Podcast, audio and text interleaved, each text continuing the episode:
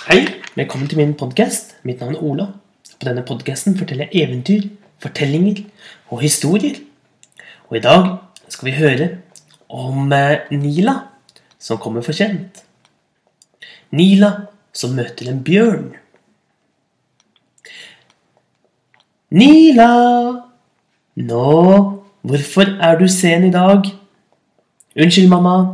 Du kjenner det, når jeg var på vei hjem fra skolen i dag, så fikk jeg øye på en stor, stor bjørn. Det var en bjørn med brun, fin pels. Det var en brunbjørn. Og jeg hoppet opp på ryggen til bjørnen. For bjørnen spurte meg nemlig om hjelp. Den hadde mistet ungene sine, og den var så lei seg. Og den visste ikke hvor den skulle lete.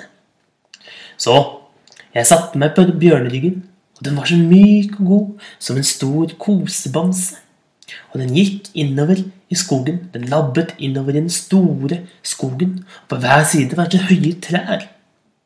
Høye trær av eh, både eik og osp og furu. Og bjørnen labbet dypt, dypt inn i skogen. Helt til vi kom fram til bjørnehulen. Og der så jeg at bjørnehulen var helt tom. Og utenfor gikk noen spor fra noen bitte små bjørner hvor de hadde lekt. Der kunne jeg se hvor de hadde rullet rundt, jeg kunne se hvor de hadde ligget, hvor de hadde løpt, og hvor de hadde spist. Men det var ingen tegn til hvor bjørnene var blitt borte. Blitt av. Det var som om de var sporløst forsvunnet opp i luften.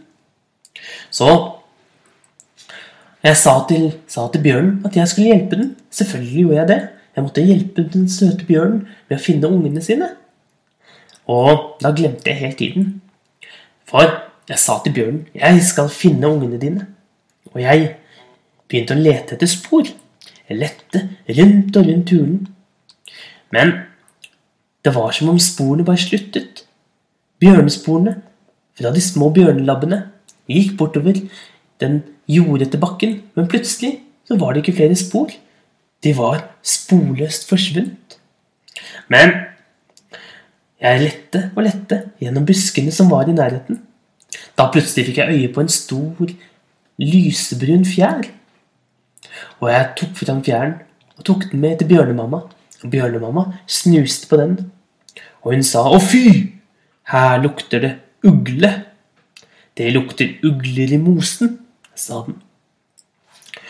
Og og jeg undret meg veldig over dette. Og jeg sa at jeg skal gå ut og se om jeg kan finne ut hvem som har, har slike fjær. Kanskje en av uglene vet hva som har skjedd med bjørneungene dine. For en ugle har helt klart vært her, sa jeg. Og jeg gikk av gårde inn i skogen, dypt inn i skogen. Der var det mørkt og kaldt, og jeg følte meg veldig ensom. Og jeg var litt redd for det var litt skummelt å være så langt inne. Med så hørte jeg vingeslag, og jeg snudde meg, men jeg så ingenting. Da hørte jeg lyden som sa «Uhu! Uhu!» Og høyt, høyt oppi treet, der satt det en stor, fin tårnugle. Og den var så vakker der den satt med, den, med de store, brune fjærene sine og den satt der og tutet ned til meg. Og jeg begynte å klatre oppover i det høye eiketreet som sto ved siden av. Og jeg klatret høyere og høyere, helt til jeg kom ved siden av uglen. Og Da så jeg at uglen sto og gråt, og jeg lurte på hvorfor uglen gråt. Og da kunne jeg jo ikke komme hjem, mamma. Det må du jo skjønne. Så jeg måtte jo se hvorfor uglen gråt, og uglen sa I går i går kveld var jeg fløy i nærheten av en bjørnehule, der noen små bjørnunger lekte. Men plutselig, plutselig så kom det en stor jeger ut av skogen. Han hadde med seg et bur, og han fanget de tre små bjørnungene og tok dem med seg. Jeg prøvde å stoppe han. Jeg fløy ned og slo ham med vingene i ansiktet. Men han bare lo av meg og tok fram geværet. Og da ble jeg så redd at jeg fløy min vei og gjemte meg i toppen av treet. Og kunne bare sitte der oppe og se på mens tårene rant for at ikke jeg var sterk nok til å hjelpe de små bjørnene. Og han tok med seg bjørnene i en sekk og gikk av gårde til gården som ligger på den andre siden av skogen. Og jeg, jeg ga uglen en stor klem, for det trengte den. Den var så lei seg. Den var så lei seg, stakkar, for at den ikke hadde klart å redde bjørnungene. Så jeg gikk videre gjennom skogen. Og den, etter en god stund så kom jeg ut på den andre siden. Og der, der så jeg en bondegård. På bondegården, der var det et fryktelig syn. For der var det mange bur, og i burene satt det annet tre bjørnunger, men også kaninunger, gaupeunger og til og med en ulveunge. Her var det tydeligvis noen jegere som var slemme mot dyrene, som fanget de små, søte dyrene i skogen og, og hadde dem i bur. Jeg lurte veldig på hvorfor de var i bur. Så jeg gjemte meg i nærheten av en busk for å se om det var trygt å gå fram. Da plutselig så, så jeg en mann komme gående ut med store gummistøvler og et gevær over skulderen. Det var bonden. Og han gikk bort til det ene buret, så lo han. Nå skal jeg selge dere til Timbuktu. Jeg skal sende dere av gårde helt til Timbuktu, fordi der er det noen som vil kjøpe dere. Så kan dere bli til pelskåper. Å nei, å nei, jeg måtte tenke hvordan skulle jeg kunne redde alle dyrene, men samtidig hvordan kunne jeg stoppe jegerne, slik at de aldri, aldri noen gang fanget flere dyr og lagde pelskåper. Så jeg begynte å tenke. Jeg lå inne i busken og tenkte. Og da må du skjønne, mamma, da gikk tiden så fort at jeg hadde ikke tid til å tenke på at jeg skulle løpe hjem til middag. Så jeg lå inne i busken hele dagen og funderte på hvordan skal jeg klare å komme meg inn. Da plutselig fikk jeg øye på en bitte, bitte liten mus som krøp på et blad nede på bakken. Og jeg bøyde meg ned og snakket til den lille hvite musen og spurte om den kunne hjelpe meg. Det kunne den gjerne.